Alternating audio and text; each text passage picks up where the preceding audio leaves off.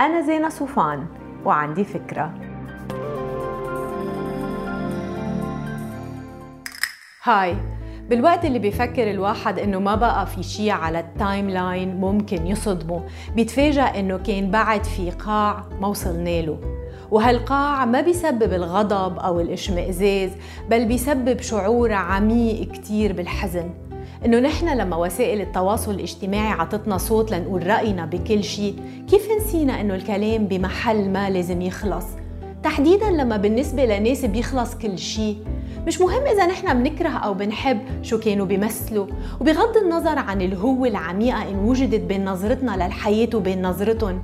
الأكيد إنه بلحظة انكسارهم النهائي وقت بينهزموا بالمطلق قدام أوجاعهم وبيغادروا لغير رجعة لما بيتركوا لنا الحياة كلها خلفهم لأنه من مطرح ما هن كانوا واقفين المشي صار مستحيل. وسواء غادروا تاركين وراهم رسائل انتحار أو من دونها أبسط بديهيات الإنسانية هو إنه نبلع حروفنا وآرائنا ونظرياتنا ونسكت. okay إذا مش زعلانين عليهم okay إذا رح تضلكم رافضين تفهمون. بس لازم نسكت. مش بس لأنه ما في حدا بيروح ما عنده أم أو بَي أو ابن أو حبيب أو صديق موجوعين عليه ومش قادرين ياخدوا نفسهم. بس لأنه الدعس على الجثث وعلى الأرواح بينزع عنا نحن جزء أصيل من إنسانيتنا.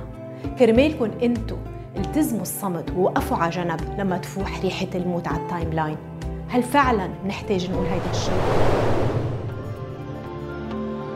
ما تنسوا تعملوا download للفكرة تعطوها rating وتساعدوني بنشرها.